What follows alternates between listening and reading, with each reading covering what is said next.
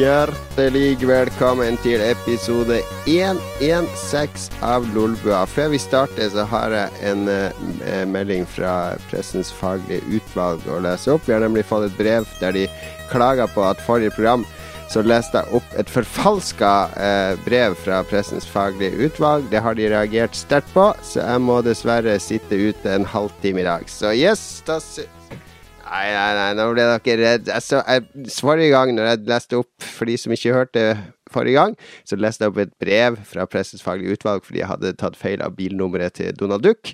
Og så ga jeg meg sjøl 15 minutters karantene der jeg bare gikk ut av rommet.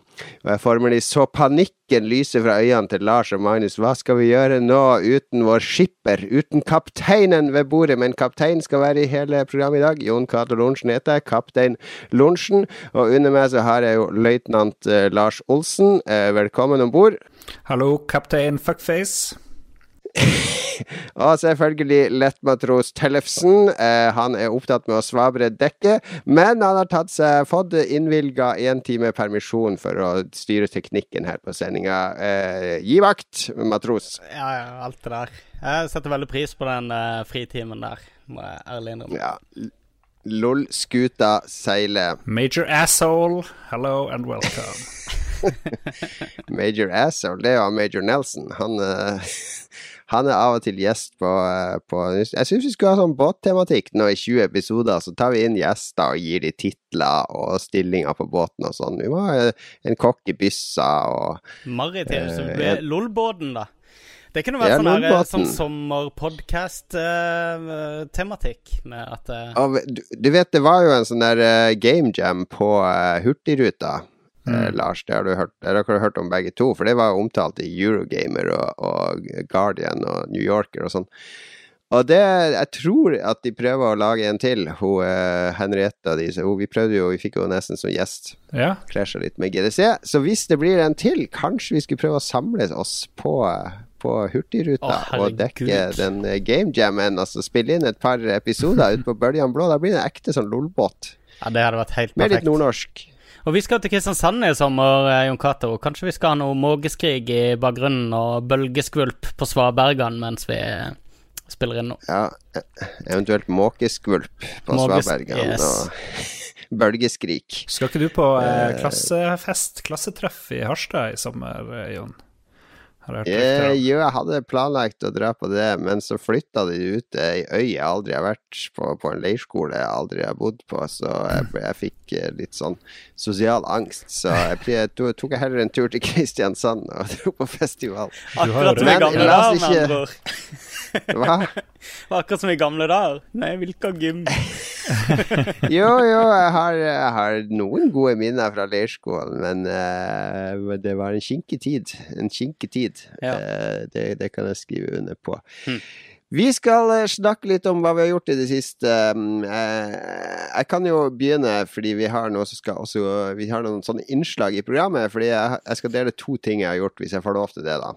Ja, okay. Jeg har bare en veldig liten reaksjon. Så dette er to. For noen uker så er det sånn, da må du skikkelig eh, gå ned i, i, tenkekassa og virkelig oh, hva, hva, hva, kan jeg egentlig dele? Altså, det blir mye hverdag, mye rutine, det er loppemarked og alt sånt tull. Men nå plutselig så skjer det alt mulig på en uke. Fordi mm. eh, jeg var jo i Nordic Game forrige uke, eh, derfor hadde vi tidlig sending. Så jeg skulle til Sverige i flere dager. Nordic Game er en veldig kul festival da, for nordiske spillutviklere. Eh, det kommer vel en 1500, nærmere 2000 stykk der fra hele Nord-Europa. Så har de litt sånn spesielle gjester av og til. I år var jo Hideo Kojima der og hadde sånn Q&A på scenen. Eh, sammen uh, med Kojima-san, takk. Kojima-san. Kojima-san. Ja. Ikke sensei. Ja, det er kanskje det. Det er forskjell på sensei og sånn. Ja. Kojima Geisha kan du sitte her neste gang. Kojima Konbanwa Kojima gozaimasu så, og så videre og så videre, som jeg ikke sa til han.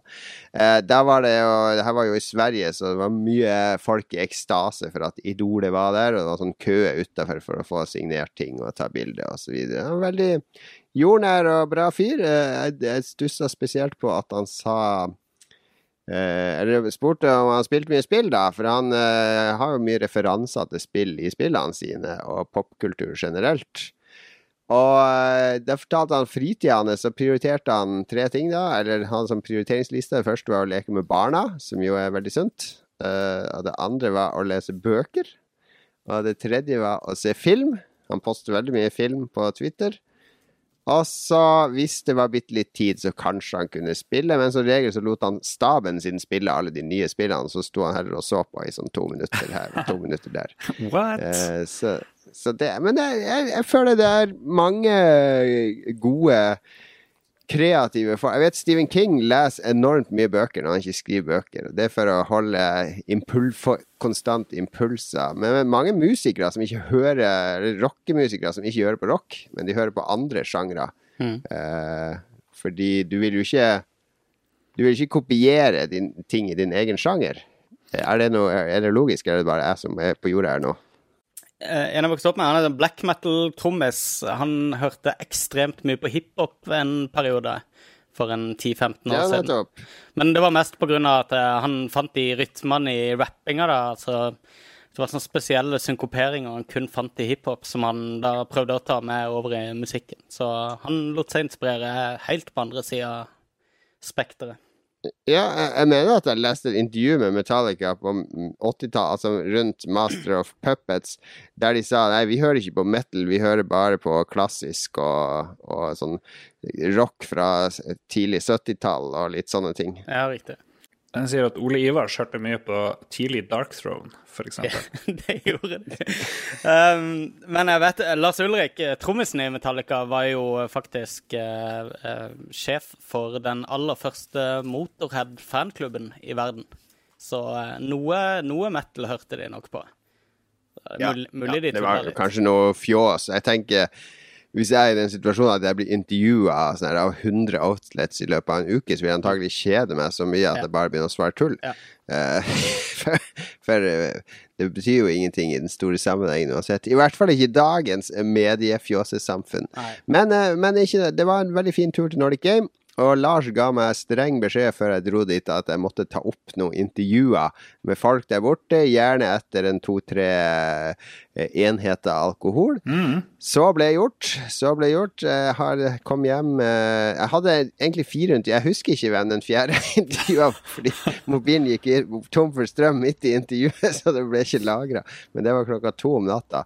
Jeg tror jeg var veldig fornøyd med intervjuet helt til jeg så på eh, telefonen, og så fikk jeg så stort sjokk at for at batteriet var tomt og det ikke var blitt noe opptak, at jeg ble så sønderkryssa. Jeg fortrengte ved denne perioden. Det var mulig det var Kojima. Eh, det får vi aldri vite. Men sa du fordi- fra til kilden din at du hadde gått tom for batteri, eller bare lata du som ingenting?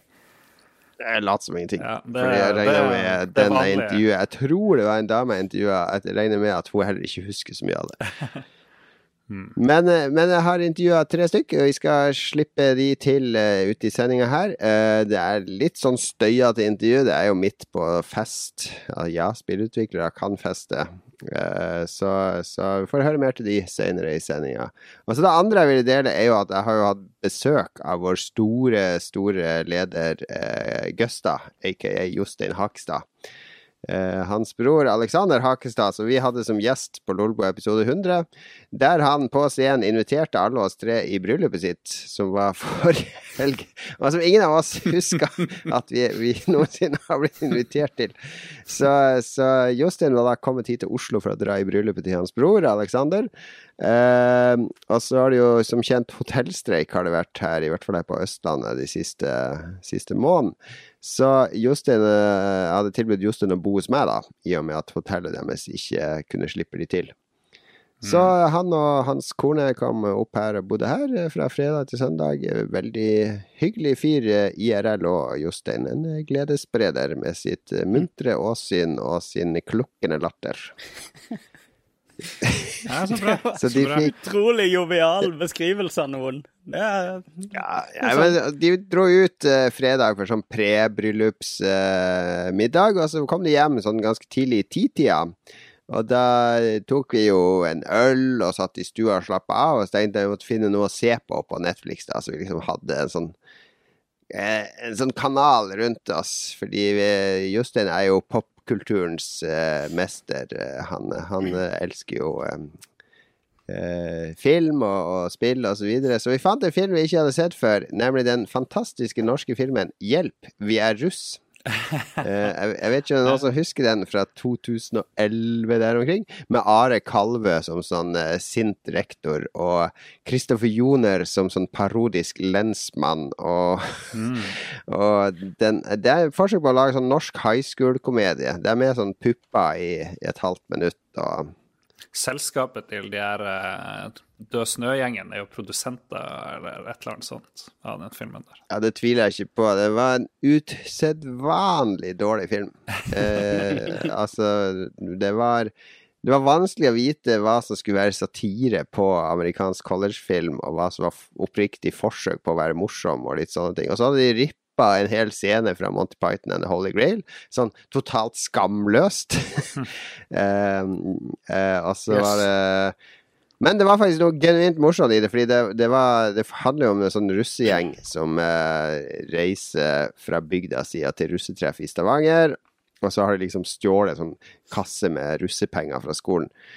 Og, og så er det sånn lokal-TV-kanal i den bygda der med som lager, og lager innslag om den her russegjengen som er på ferde. Og de lokal-TV-innslagene er faktisk Det er noe av det morsomste jeg har sett i norsk film noensinne. Fordi det er sånn Det er sånn 90-talls lokal-TV med Du vet når de har sånne animerte logoer og de grelle fargene, og de klarer ikke å penne kameraet. Det går sånn rykk, sånn rykk, rykk, rykk, rykk.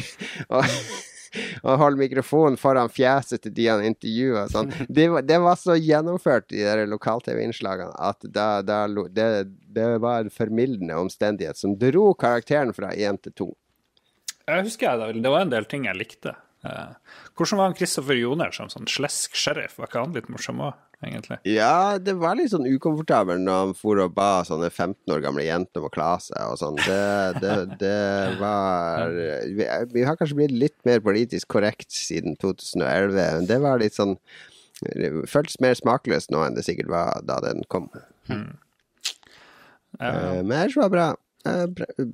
Grei, grei eh, icebreaker-film eh, når du har nye overnattingsgjester og sånn. Det var jo en sånn bølge med det 'Hjelp, vi er russ', og 'Hjelp, vi er i filmbransjen', og 'Tomme tønner', og eh, alle, Det var liksom samme folkene som lagde mye av det der. Det gikk mye igjen, de samme dudesen. Men det har liksom datt litt bort, de her flaue norske komediene. Det er jo litt synd. Det jeg har reagert på i det siste, er det der Er det noen av dere som har sett det der Skam? Nei. Vi får ikke lov. Fordi det ser jeg Nå har jeg alle de hipstervennene mine på Grünerløkka. De driver nå og så og dropper Skam. Ja, Skam! Må se på Skam! Altså, jeg bare Det er jo sånn som, som Det er jo sånn barne-TV for tenåringer, liksom. Det er laga for tenåringer, og kun for tenåringer. Det er Så, nei, nei, nei, må se på Skam, må holde seg inne. Altså, det er jo VG og Dagbladet er jo sånn side opp og ned om skam, med teorier om hva som skal skje, og sånne gamlinger som oss som driver og skriver kronikker om hvorfor Skam er den viktigste ungdomsserien, og Nei, skriver de ikke kronikker om hvorfor ikke de får lov til å se det? Eh, det både det og eh, dokument.no tror jeg hadde en kronikk nå om hvordan Skam eh, eh, eh, utbredde moralsk fordervelse blant ungdom som gjorde de mer mottagelige for islam, og så videre. Så, så Skam er blitt, blitt en ekstremt viktig serie på grunn av noen sånne kulturkommentatorer fra, fra hipsteriatet her i, i Oslo. Ja. Eh, men jeg, eh, jeg har ikke sett den. Jeg, jeg tenker vi må jo, vi som er eh, en sånn, har sånn finger på kulturpulsen, en av oss må jo se Skam. Klart. Jeg har skrevet en Lars, tweet, jeg skrev en tweet om Skam for litt siden. Det er det nærmeste jeg kommer å se den. eh, Men eh, oi, oi, oi. Men Jon, Så- og så jo på i et eller annet sånn Harstad eh, Entourage jeg har tenkt å se det, så jeg kan godt eh, Jeg kan ofre meg blø for drakta her og, eh, og sjekke ja, det ut. Ta oss og se, ta oss og se Skam. For i påska var første gang jeg hørte om det. Mm. Og det er to nieser som begge er tenåringer, og hun yngste niesa hun ville gjerne at min kone, da, eller tante Synne, som hun heter for niesa mi, hun ville se Skam sammen med hun da. Så både hun og min sønn, eldste sønn Thomas, de så alt av Skam i påsken, men jeg fikk ikke lov. Fordi jeg var mann og gammel, og det det var, så jeg holder eh, meg unna. Kan ikke se Skam, men da er det bra. Da kan Magnus være vårt eh, ungdomsalibi. Og så, Yes. Jeg er jo helt klart den yngste i bua, så, Ja, så det er Det er bra. Da har du fått en task til neste gang. Men la oss høre hva du har gjort siden sist. Jeg har hatt min aller, aller, aller siste eksamen. Det er, det er jo verdt å nevne, er det ikke det? Um, Ja, du skal opp i eksamen i lydmiksing i Lolbua. Eh, jeg, føler jeg, jeg føler den eksamen pågår akkurat nå. Men, men eh, det, var, det var egentlig litt uh, vemodig. Og eh, det gikk opp for meg. Jeg satt på lesesalen eh, lørdag kveld. Det opp for meg at det er siste gang jeg sitter liksom på, på lesesalen og striphugger og er sånn überkonsentrert rundt, eh, rundt eh, temaet. Jeg satt med økonometri nå. Jeg koser meg veldig disse eksamensperiodene. Jeg, det, det er en veldig sånn ro over det der med å kunne sette seg ned og bare eh, låse alt annet ute og konsentrere deg om, om ett tema og bare gi det din fulle oppmerksomhet i time etter time etter time. Det nå har jeg ei uke igjen hvor jeg skal skrive ferdig en bacheloroppgave. Og så, eh, så er jeg helt ferdig med, med skolen. Da. da har jeg den bacheloren. Men, men det der med eksamenene, eh, det var litt sånn vemodig å gjøre seg ferdig med det, egentlig. Da blir det knallfylla, knallfylla nå snart. Ja, ei uke til med, ei uke til med bachelorskriving nå. Og så Hva- ja. blir det Er det noen, er det noen sånn tradisjon? Kommer det sånn der eh, folk som holder tale, Ali G kommer, og så må dere hive Å oh, ja, sånn er ja. så skal er sånne hatter i været. Det Ja, riktig. Aksel Hennie kommer og skal fortelle oss om å tørre å satse og Det er vel han Idar Eggen som kommer Ja, ja, selvfølgelig. dere til å satse. Idar Vollvik, tenker jeg. Idar Vollvik. Du må tørre å satse, karer. Jeg tror ikke de er, jeg, jeg tror ikke de er så opptatt av, av bachelorgrader, akkurat. Det er jo en litt sånn der eh, ja, det, er ikke så, det er ikke så veldig grad. Men, men eh, jeg så her forleden at de tok noen sånne gruppebilder med de der teite, firkanta, svarte hattene i ei trapp. De prøver liksom å Litt sånn krampaktig så prøver de liksom å adoptere alle de der amerikanske college-konseptene, da. Så det, de sto liksom i den trappa og kasta hattene i været, og det var veldig teit. Har du, Hvordan sånn fraternity er du med i, da? Jeg er med i uh, Pi Alpha Nu. Nei da. Uh, Det er jo eh, på det der lambda, lambda, omega, lambda. Er jo War Fraternity. Men Pi Alpha Nu er en sang med SOD, Jon Cato, så den burde du ha kjent igjen. Jeg, tr jeg tror vi har navnet på episoden der, eh, Jon. Det var morsomt. Takk for det. Det skriver jeg opp. Jeg har sånn hemmelig dokument der jeg skriver hvem som funnet på hva i Lolbua, og der leder jeg ganske klart med tittel, eh, titlene. Ja, det er det. Yes, yes, yes, Med titlene. Jeg har jo lagd alle titlene i et år. nå. Ja, du har jo det. Gratulerer med fullfart, eh, snart fullført utdanning. Ja, takk, takk. Eh, Det blir spennende å se hva det skal bli av det. Har du Ja. reagert på noe morsomt i det siste? Fikk med deg den der Stellaris-modden som ble stoppa nå, fordi at eh, det var en sånn White Power-dude som eh, hadde lagd en mod der alle kunne være At eh, alle karakterene i spillet hadde hvit hud og europeiske navn. Og ifølge beskrivelsen ja, ja. var fri for multikulturalisme. Du er i outrage, du òg. Ja, jeg var kjempesint. Nei, jeg har jo selvfølgelig kost meg i eh, de forskjellige nettforumene og lest på kranglene som har pågått. For det, nå er det jo selvfølgelig ny sånn her eh, feststund for eh, disse her uh, biggetsene som, eh, som skal inn og krangle med at eh, 'jeg vil spille spillet sånn jeg vil spille spillet', og ingen skal hindre Ja, meg. jeg og- skjønner ikke det. Jeg, jeg fikk også en mod jeg lagde til Stellaris, der jeg bytta ut alle profilbildene til alle karakterene med barneporno. Ja. Og den har de jo fjerna. Ja, jeg det. eh, hvis noen, har- hvis noen har lyst til å spille sånn, så må de jo det. Det er ytringsfrihet. Ja, det er ytringsfrihet i det. Det er akkurat det Det der. var, for de som ikke skjønte, det var ironi, da, bare, så jeg skal ikke ha det på meg. Jeg har ikke laga en sånn mot.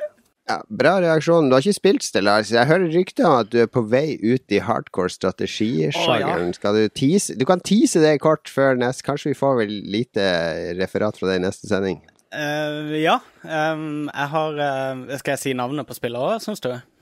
Nei, nei, nei, men, men er, du, du skal ut av din komfortsone. Kan kanskje si hva som lokker deg ut av komfortsona? Ja, det er sikkert litt dette her med at eh, en liten epoke er over. Med, nå har jeg liksom testa skole i noen år og sånne ting, og det ble, med en gang litt sånn sulten på å utfordre meg sjøl i litt andre forskjellige retninger. Så tenkte jeg at med årene så har jeg egentlig blitt ganske låst til sjangre på hva jeg spiller og ikke spiller. Liksom sånn, Noen sjangre er for meg, andre er ikke for meg. Og Eh, nå har jeg egentlig bare tatt tak i skikkelig store slem for min del. Og setter meg ned og har begynt å lese litt tutorials og liksom litt sånn newbie-triks. Og jeg skal begynne på easy og spille litt og bare Ja. teste meg frem Det litt. altså. mye, det blir mye å sette seg inn i. Og lyttere som har lyst til å gjette hvilket strategispill er det Magnus eh, skal, eh, skal begynne å spille nå, altså vi får referat fra om en uke eller to, de kan tweete oss eller, eller sende oss en melding på Facebook eller noe sånt. De, den første som gjetter riktig, han spanderer vi en øl på hvis vi møter han noen gang. Eller hun.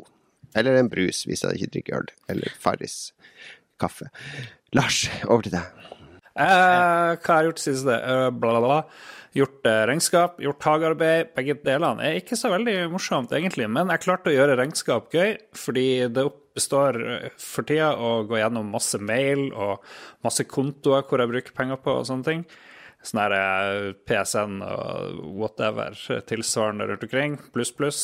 Og da passer det veldig godt å se på TV-serier mens du gjør det, fant jeg ut. Skulle du si Tok du noe også avskrev Du vet at Collectors Edition kan du ikke avskrive, så den Mortal Kombat eh, til 1000 spenn, der kan du kun avskrive det hovedspillet koster. Har du, har du drevet sett på den Billions mens du, mens du har drevet med kreativ eh, regnskapsføring? Heldigvis ikke. Jeg har bare sett på Bosch, så jeg har jo lyst til å drepe Ja. den i stedet. Hvilken, Er det første sesong du har sett av Bosch, eller er det Jeg har sett litt før, og så nå fortsetter jeg å prøve å gjøre meg ferdig med, med første sesongen. Men jeg er jo mer fan av bøkene, det må jeg si. Jeg, jeg syns ikke han Bosch i TV-serien er sånn som Bosch er i mitt hode, som var en litt sånn mm. uh, ogrist-person. liksom stor og hulkende. Ja, og så har han, han har bart i bøker nå, da. Det savner jeg litt i serien. Oh, herregud. Ruined immersion. Og så Det viktigste er jo at denne TV-serien er jo satt mye mer lenger i nutida i forhold til bøkene, som jo har pågått lenge. Og i de gamle bøkene så er det bestandig en murder book, hvor de samler all info om eh, mordsaken som man tar med seg og sniker ut fra jobb, og det er mye rot med de murder books. Uh, og det er det jo ingenting av. Det har ikke vært noen murder book, verken digital eller fysisk i det hele tatt. Murder app. Ja, det- Nå, nå, men nå, ja, for, for lytterne som ikke henger med nå, for du hoppa veldig fort inn i Bosch. Altså Bosch Ja. er en Ja. TV-serie på HBO om en Los Angeles-detektiv, basert på flere bøker av Michael Crichton, er han som har skrevet? Michael Michael Connolly. Connolly. Michael Connolly, og det er eh, For oss som ikke leser veldig mye sånn standard krim, så er de egentlig ganske fine krimbøker. I hvert fall hvis du har vært i Los Angeles, fordi de, de er Mm. veldig gode beskrivelser av Los Angeles. Absolutt. Så du, vi har jo vært på stamstedet til han Bosch, der eh, Oh, yes. Muso og Franks, eller hva det heter for noe. Vi har vært på Muso og Frank, der de alltid spiser pot chicken, eller hva det er for noe. Og vi har, de har også vært på Vi har vært innom det der uh, Cat and the Fiddle, som vi, vi har vært på mange ganger, vi som har vært i Los Angeles. Så Ja. det er mange dropper mye navn der. ja. Tenk å bli drept og bli et oppklart, eller mordet ditt bli oppklart av Harry Bosch. Det hadde vært uh, fantastisk. Men ja. Det var din, vår drøm at en av oss skulle bli drept når vi var i Los Angeles, og få møte en virkelig Harry Bosch. ja. Uh, men eh, jeg, har sett, jeg har sett første sesong av serien. Jeg så den ganske kjapt. Meg og kjæresten min så de sammen. Uh, vi ser mye krim, og jeg syns serien begynte mye bedre enn den ble etter hvert. Jeg syns det flada ut veldig og ble litt sånn TV Norge-serie sånn midt utpå. Det var liksom ikke Det virka som de gikk litt sånn tom for stoff og bare tenkte å, å hale det ut litt. Og Ja, jeg er litt uenig, fordi den har veldig sånn flat struktur. Det er ikke masse sånn der eh, biljakter og action. Nei, nei. Det er litt mer sånn action i toeren, men den har veldig sånn Action flat spenningskurve. action i toeren. det er mye action i. Men det er én ting jeg reagerte på i toeren, er jo at uh... Du er litt allergisk, er ikke det? At uh, eh, Det kan jeg egentlig ikke si uten at det blir sånn metaspoilers, så vi dropper det. Men um, jeg har hørt at eh, sesong to henter seg veldig opp om den serien. Ja, på en måte, på en måte gjør den det. det. Men det hjelper veldig eh, å ha lest bøkene før, fordi jeg, jeg ser hvordan de fletter inn forskjellige bøker i de. Og i sesong tre nå så skal de inn på den beste boka, tror jeg, den første. Så den gleder jeg meg veldig til.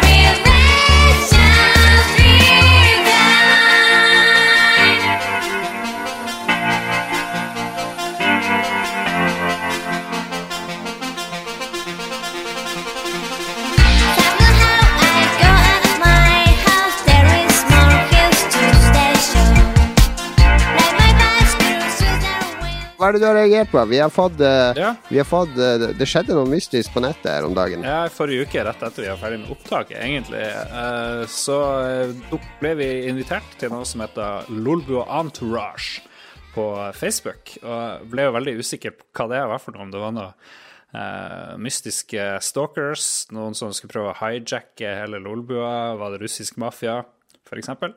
Men det var bare koselige Lolbua-lyttere, som eh, litt sånn hardcore-karer, som eh, lagd en sånn gruppe for de kanskje ekstra interesserte. Vi vil jo at alle skal være med i vår vanlige Facebook-gruppe, men vi kan jo reklamere bitte litt på den der Lolbo Entourage, hvor det ikke er sånn sinnssykt mye som har skjedd. Eh, De har bedt, de har bedt Magnus lage en logo til dem og sånt.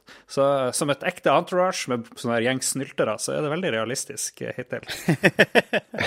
At det, det første som skjer, er at vi blir bedt om å gjøre noe for dem. Jeg, jeg har en beskjed her til Entourage her og nå. Vi skal ha spillquiz på Tilt om, enten om en uke eller to uker, Magnus. Det må vi snakke om etterpå. Ja.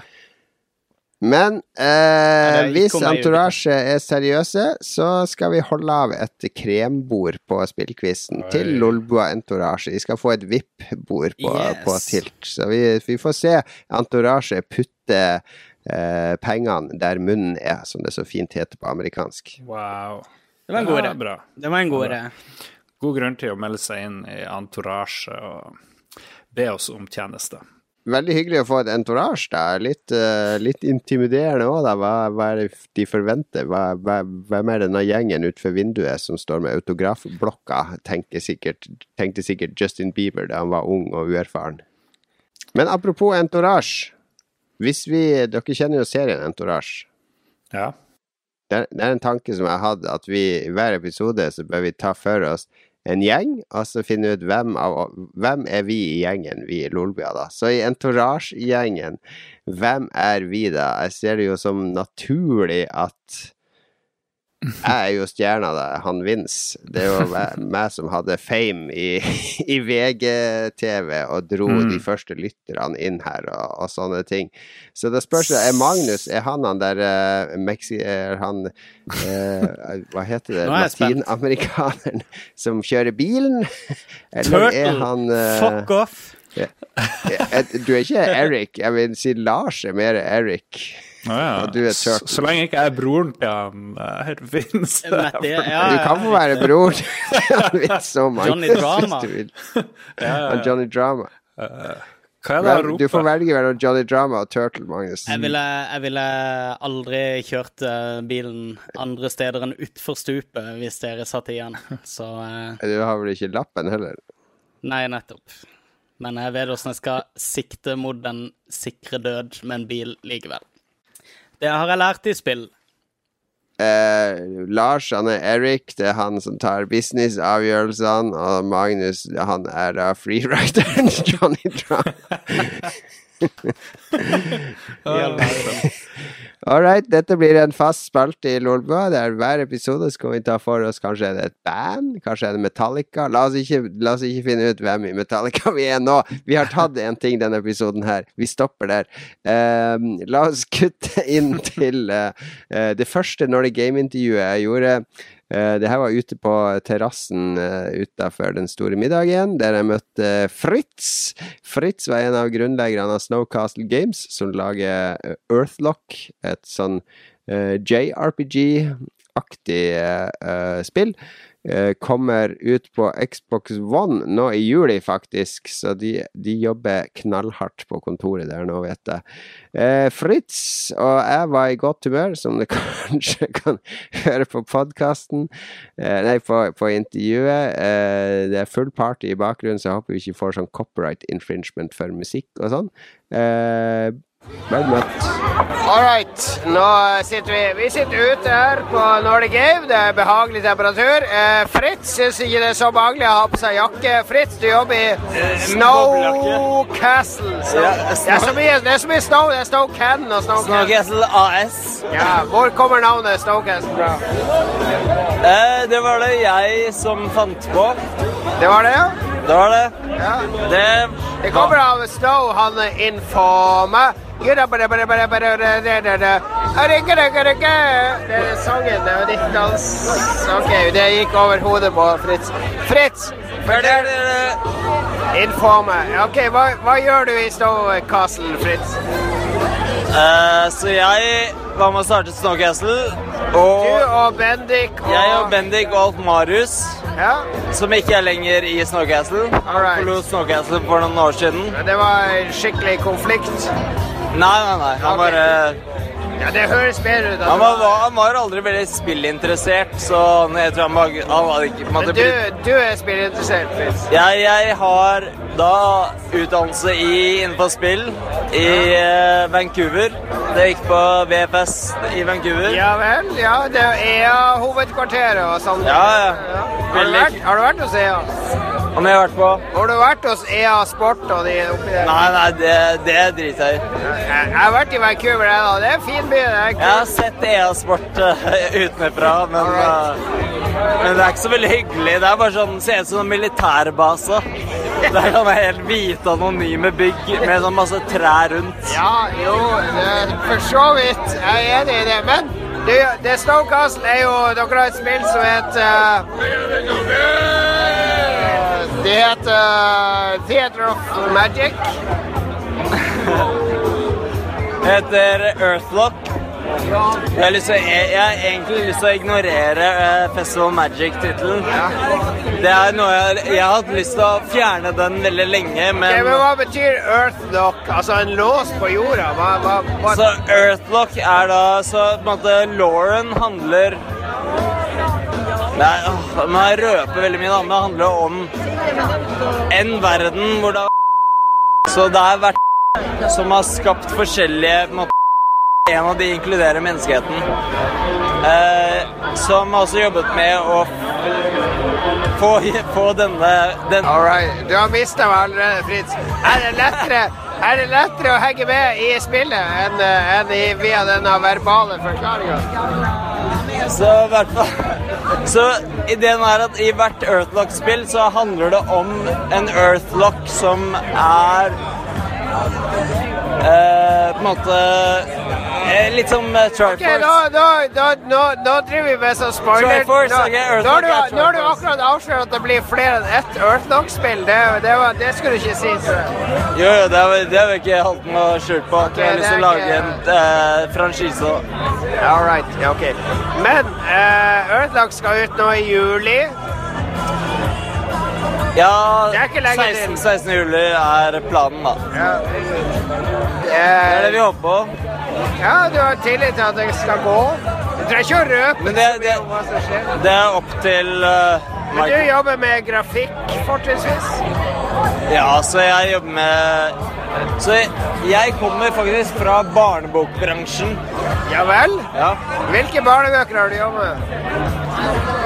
Eh, jeg har jobbet med Bran eh, Ikke Randomas, men eh, faen, hva heter de? Ja. Jeg jeg jobbet med en serie Jeg, jeg vant uh, Macmillan-prisen i et eller annet 2008. Hva er det for noe? Matt, Matt Dillon-prisen? Macmillan- Macmillan-prisen. Som er Matillen sin pris. Nei, Macmillan-prisen. Ok, Macmillan Det er ingen i Norge som har hørt om den prisen utenfor barnebokbransjen. Nei, ja, nei, det er sånn, sannsynligvis ikke det. Men jeg vant Macmillan-prisen. Ja. Uh, og etter det så begynte jeg å jobbe litt i barnebokbransjen. ja. Men jeg, bry, jeg, jeg, bry, jeg, er ikke- noe glad i barn. Du må spole tilbake. Jeg, driter i det. Jeg liker barn. Til og med ikke meg som har barn. Som, Du er ikke glad i andres barn. Nei, mine barn er greit nok. Andres barn er pyton. Men hva er Matt Dillon-prisen? Hva var det du vant den for? Det vant jeg for en bok som het eh, Hva faen het den, da? Eh, Daylight Day... Day hva faen? faen? Jeg husker ikke. Du har vunnet en pris, og du vet ikke hva du skapte til den prisen. Det uh, eh, you, uh, the Owl Chased the Moon. The owl all chase the moon. Ja. Ok, ja. Eh, som var en eh, Og du lagde eh, eh, Nå tar jeg for gitt at du lagde illustrasjoner til den boka. Den boken var min. Jeg, Jeg lagde alt Jeg boken? skrev og illustrerte den boken. På engelsk. På engelsk, ja. Ja, ok. Og du vant pris for det? Ja.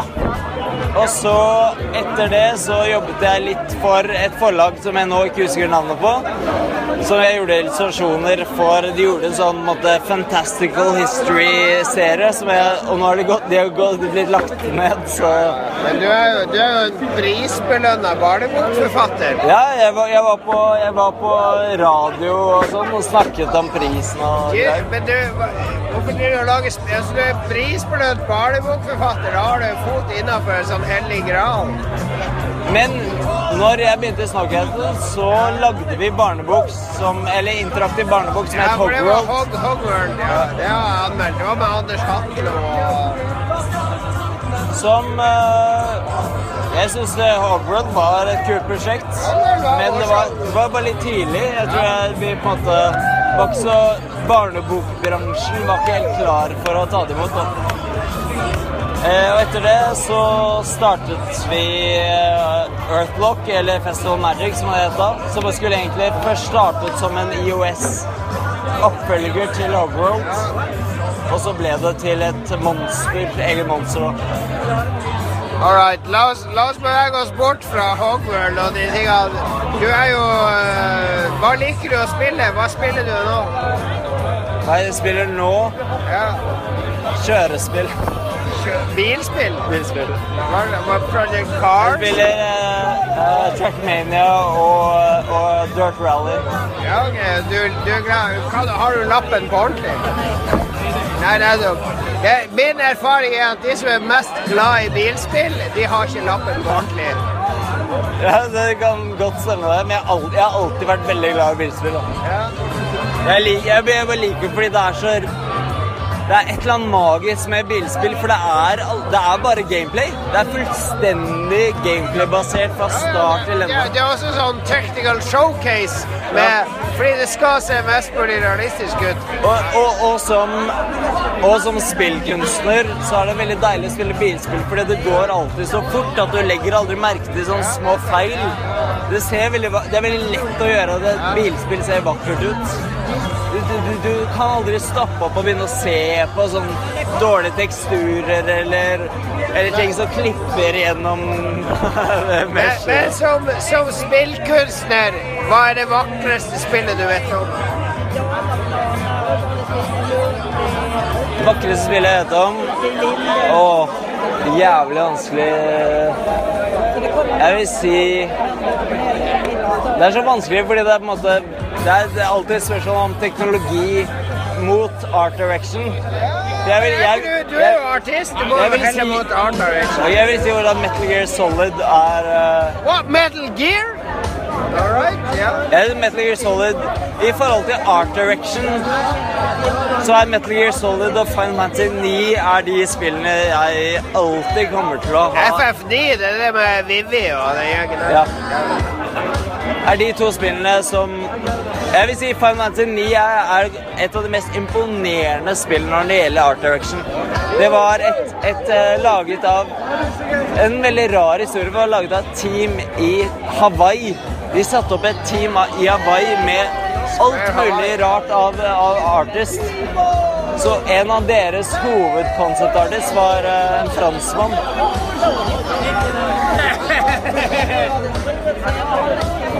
Til. Det var Fritz fra Snowcastle. Fritz han var forresten passasjer. Jeg kjørte til Malmö. Det er en fem og en halv timers tur, så han var passasjer på vei hjem. Vi var en tur i Göteborg, spiste sushi og prata om høyt og lavt. Meget, meget trivelig fyr, så sjekk ut Earthlock når det kommer på Xbox One i juli og andre formater senere. Debatt. Debatt. Det får bli en kort debatt. Vi har så mye Ja. eh, full sending i dag.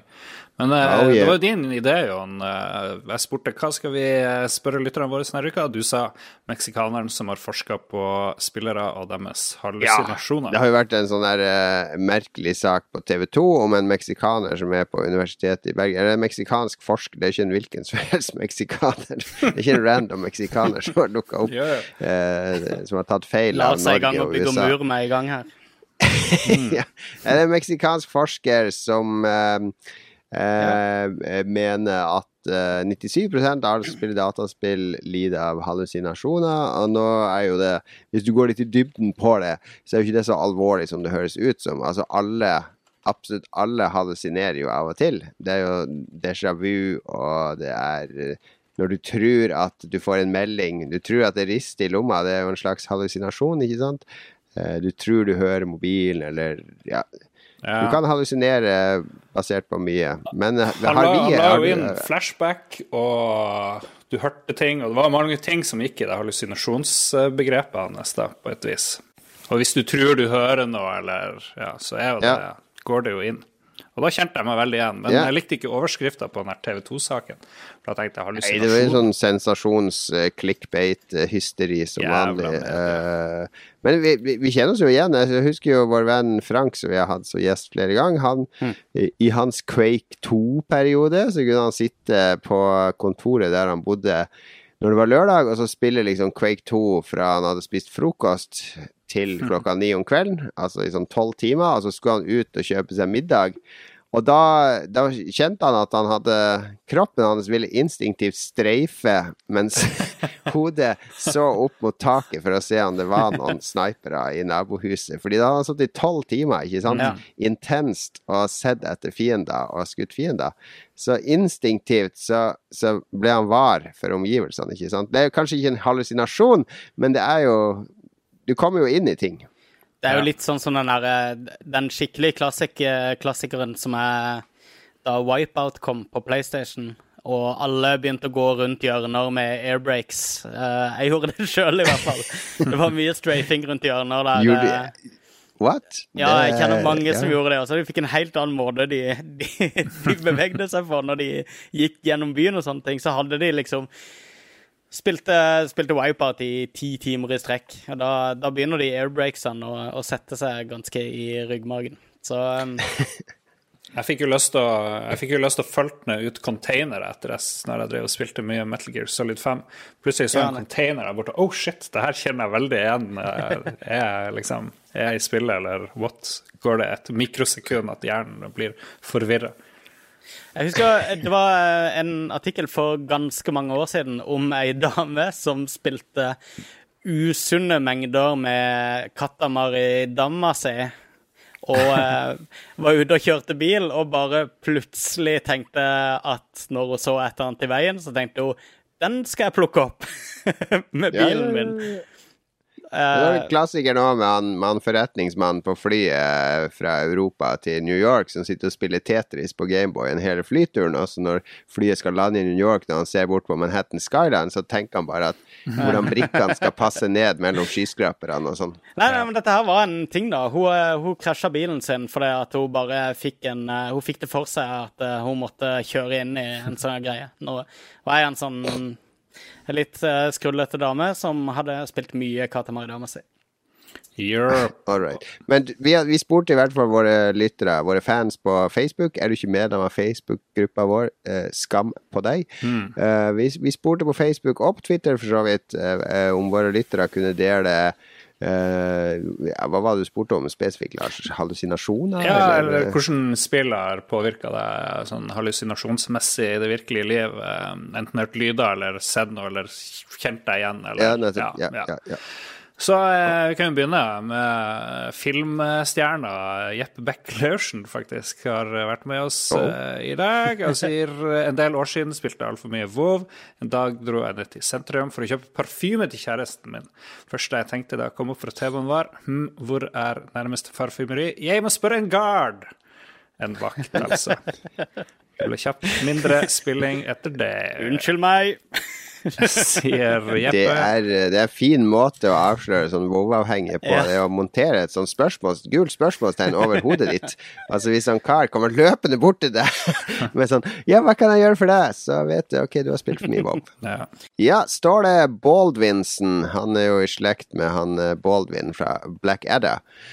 Han har vært Nintendo-fan i mange år. Baldrick han heter, tror- jo Cato. Nå må du ikke gjøre flere sånn popkulturelle oh, Jesus Christ. Du vet, så det er seniliteten. Jeg er en gammel mann. ja, ja. Jeg er en gammel mann, Lars Rikard.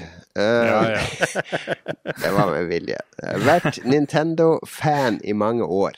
Så tror fortsatt at store mengder fluesopp gjør meg stor, med fare for å krympe igjen hvis jeg blir truffet av skallet til en skilpadde. Kona fersket meg her om dagen i et desperat forsøk på å dukke ned i sluket på badet. Det toppet seg når jeg senere samme dag ble stoppet av politiet etter gjentatte ganger å ha stanget hodet opp i en murblokk i håp om å finne skjulte mynter eller en hemmelig bønnestengel. Hm, kanskje det er noe det denne meksikaneren sier? Det var en comedy, comedy-innslag. Mm, Yes. bra. Rikard Martinsen Koteng sier livet mitt er sterkt inspirert av Leisure Larry. Det er jo veldig morsomt. Oh. Du blir Så, litt sånn the eh, dude i, eh, i uh, Big Lebowski hvis du skal gå rundt og være Larry, føler jeg. Halvveis. Ja, han tar, det er så inspirert at hver gang han er på offentlig toalett, så fester han litt toalettpapir på skoa når han Mm. går ut, i håp om at noen skal rope Hey dork, you got toilet paper on your shoe. Som Bare eh, skjer i husk bar. kondom, Rikard. Husk Ja. kondom Husk kondom, når Rikard.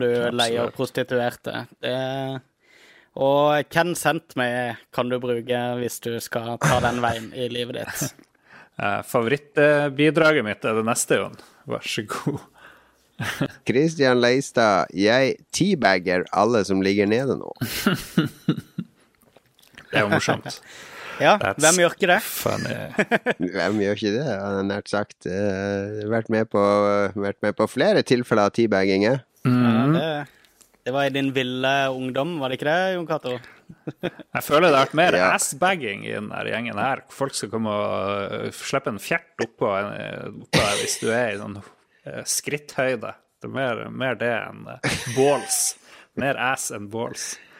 Du, men foretrekker du at folk klasker ballene sine i trynet ditt fremfor at de promper rett attmed? Jeg liker jo en god kuk, liksom, men uh, teabagging er jo mer ballene, er det ikke det som er liksom Ja, det er ballene der. Det Ballene er det som er teabagen. Ja, Er baller disgusting? ja det er det jo. Det vil jeg si. I hvert fall andre sine. Okay. Jeg er ikke noe Er det spesielt glad i mine baller. delen av Hvis du skulle velge den ekleste delen på kroppen din, Lars, hadde det vært ballene dine. Ja, kanskje. Grøsser du når du tar på, på pungen din? Nei, det gjør jeg ikke. Nei, Men jeg vil ikke se dem fotografert. Jeg vil ikke henge det på veggen. Liksom. Hva? Gjør du ikke det? Kjære lyttere, send, eh, send SMS til Lars, 952 et eller annet. Uh, bilde av dine testikler, ballene dine. Han elsker eh, pungbilder. Vi går videre til Steffen Helland. Det er din tur, Lars. Vi kan ta inn et late breaking bidrag fra son of Alec Baldwin, eh, som er på chatten, som sier litt seint ute på Twitch, eh, og som sier at Entourage er til stede. På vegne av Lolba Entourage lurer vi på hva forventes av oss som er i Entourage, og hva får vi igjen?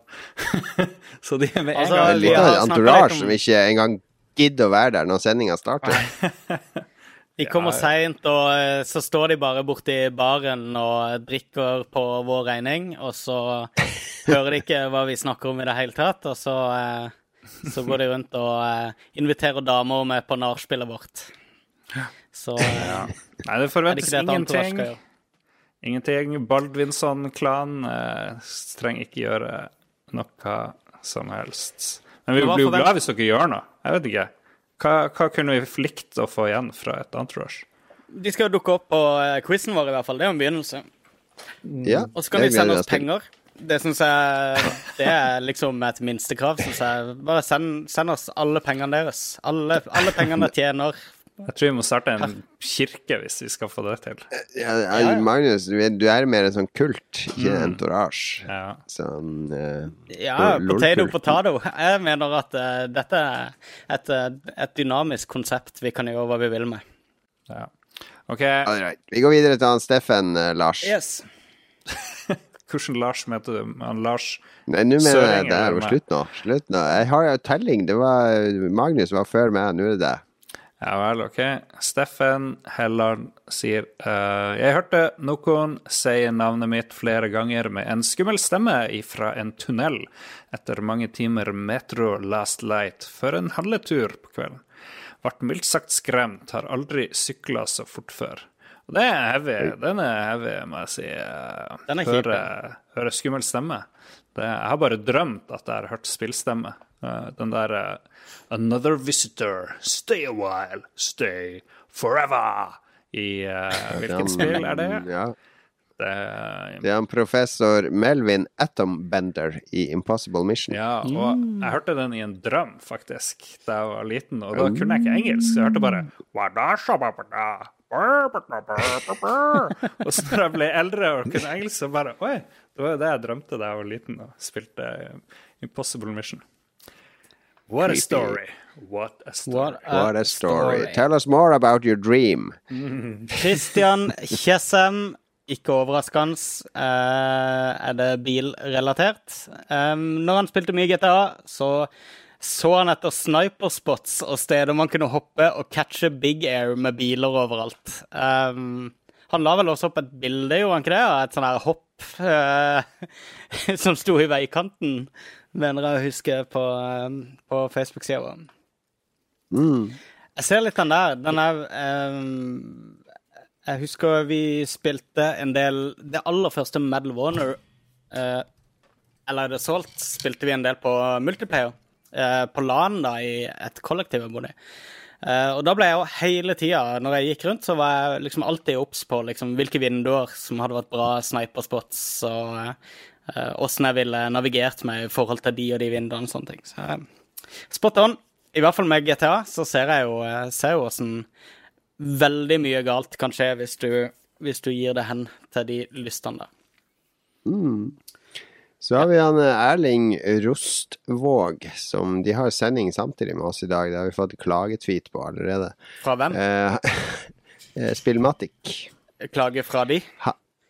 Ja, For det, vi har det er fordi sending de hører med på oss, og vi hører ikke på de. Ja, ja, og folk kan se også, så vi har, det er jo suverent. Jeg bare tuller. Jeg glemmer at vi ikke har en beef med de lenger, så kan liksom ikke være for krass. det. Veldig hyggelig å få spørsmål fra deg, Erling. Eh, gøy at e-post funker helt ut på Nesodden, eh, inn til Oslo. Ja. Jeg har hallusinert Guitar Hero-knapper som strømmer mot meg i takt med musikk jeg har hørt. Litt vel intens spilling et par dager. Ja. Hvem har vel ikke det? Ja, og, Hvem har vel ikke sett for seg grepene eh, når man hører musikk? og, eh, men, men jeg husker det var reelt. Jeg spilte ekstremt mye forgjengeren til forgjengeren til Guitar Hero. Um, Frequency, det spilte jo vi begge ganske mye om. Ja. Ja. Og når jeg spilte det seint på kvelden, det er en sånn greie med at uh, når du lukker øynene, så fortsetter du å se uh, et repetitivt uh, mønster. Så det var jo en ting som som var ganske veldig- stressende. Det som er en sånn morsom effekt, det er jo ikke en hallusinasjon. Nei. Det er jo sånn der Sånn øye... Optisk illusjon. Forder, Fordervelse. Eh, Øyefordervelse. men Ja, at øyet Hvis øyet ser på en ting veldig nøye, og så ser du på noe annet, Mm. så, så trenger øyet litt tid på å tilpasse seg. Mm. Så det, hvis du spiller en ganske intens sang på ekspert på gitarer, der du stirrer, stirrer, stirrer på de der eh, tonene som kommer ned, og så med en gang sangen er ferdig, husker jeg brukte vi å stirre bort på gardinen eller veggen, så ser du at gardinen fra bølge bare sånn Ooh, LSD, Ja. man! Ooh, det, så folk som ikke har prøvd det, det anbefales varmt.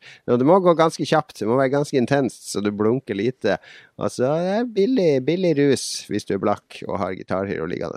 Jeg husker jeg hadde noe som, he- som, ble, noe som ble kalt for LSD-simulator på min gamle 486 på 90-tallet. Som var et sånn, et sånn program der du skulle se på en sånn greie som spant rundt midt på skjermen, og så skulle du bare fokusere på midten, og så var det masse farver som spant rundt overalt rundt. Og du fikk den samme effekten av når du kikka rundt etterpå, så var alt bølger og svaier og Ja, sånne ting. ja, ja. De finner du mange av online nå, så det er lett å finne på internettet. Men, men pass deg, noen av de der er sånn at du stirrer og stirrer, så kommer det sånn bilde fra Eksorsisten og et sånn skikkelig høyt hyl. Ja, Altså, det er faktisk sant. Jeg har røket på en av de. Så du må pa passe deg der.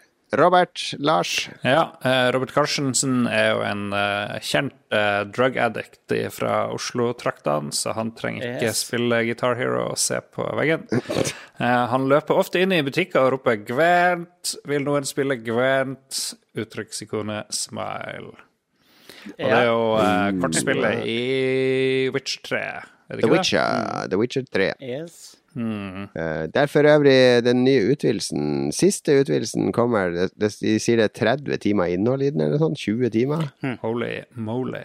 Anbefales. eh, og, Ja, og den fikk eh, Essential på, eh, på Eurogamer, så, så, så jeg, jeg valgte rett tid til å begynne min eh, nye gjennomspilling av The Witcher, tror jeg. Er dette den samme Jon Cato som forrige episode snakka om hvordan han ikke leste etablerte spillanmeldelser lenger, når han skulle sette seg opp en mening om uh, hvilke spill som var interessante? Ja, bare se på karakterene. Ja.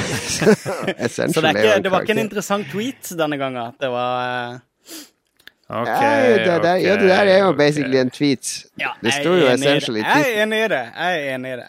La oss ikke rippe Så, opp men- i fortiden. Jesus Christ. Nei, dette For var er mange som bærer nag. ja. Full av hat. Og ja, mitt hat overfor Nathan eh, Drake ja, og Magnus sitt hat overfor meg. La oss ikke rippe opp i det. Eh, Jeg skal snakke med en meget hyggelig dame fra Bergen. Eh, Hun heter Linn. Hun jobber for eh, det som antagelig er Norges første spillpublisher, hvis du ikke regner da sånne forlag eh, som lager barnespill i, med bøker og sånne ting.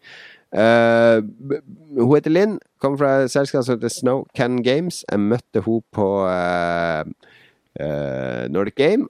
Lars mener jo at jeg må være litt sånn tøff når jeg er ute og intervjuer folk i disse situasjonene. Litt sånn Dave Lang. Litt sånn lure folk ut på glattisen. Vi får se om jeg klarer å lure henne ut på glattisen i Malmö. Vi står med Linn fra, fra Snow eh, Nei, Snow Cannon og Snow Castle og Snow eh, Snow er jo en artist. Han som har den der eh, Det er han som har der Bombastic. Nei, det er Ikke den? Nei, nei, det er ikke det. Snow er jo han som har Hvem er Snow? Er, yes, det er det. Det var inspirasjon. Det var inspirasjon til ditt selskap, Linn. Hva hva slags selskap er det du driver? Jeg driver med eh, en publisher for dataspill. Ja, du er den første norske publisheren, er det ikke det? Ja, det er vi. Vi sier det i hvert fall. Ja.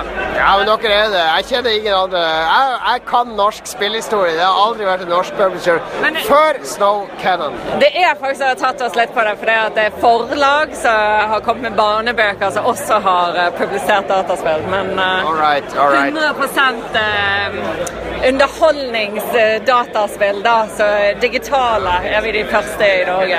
Og som alle lyttere hører, så holder jo Lino de til i Trondheim, og også det spillmiljøet i Trondheim. Trondheim gjør jo kjempebra for tiden. All right, gå til Bergen, da. Fordi Bergen er, det er litt sånn Det er Rain gay, så de er sånn Ja, vi er Rain, vi sitter for oss sjøl. Og så er det uh, Dpad, og de er ute på Askøy, så det er, jo, det er jo ingen som har tilhørighet til de. Bortsett fra meg. Jeg bodde jo min ja, Vi skal ikke rippe opp i det. Jeg bodde rett oppfor Joremi i mange år. Uten å kjenne Joremi. Men uh, det er Rain Games, det er Turbotape, det er, det er et miljø der. Det er liksom den, eh, den indie-bølgen i musikken som det var på 90-tallet.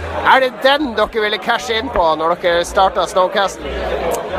Ja, altså veldig mye. Altså, det jeg lærte veldig mye fra bergensmiljøet, var det at det var så utrolig mange unike stemmer. Og så hvis du ser på det sånn som du nevnte Turbotape, og hvis du da ser på Dirtybit, det er jo helt ulike spillselskaper. Så jeg føler liksom i Bergen så har vi en veldig god variasjon, og god variasjon innenfor uh, uttrykk innenfor dataspill, og variasjon i erfaring, for å si det på den måten. Og suksess selvfølgelig òg, da. Men uh, ja, definitivt. All right, men Snowcastle er jo er, Cannon. Snow Snow Cannon. Sorry, sorry. Snow Cannon er jo mye mer enn bare sånn Bergens-publisher.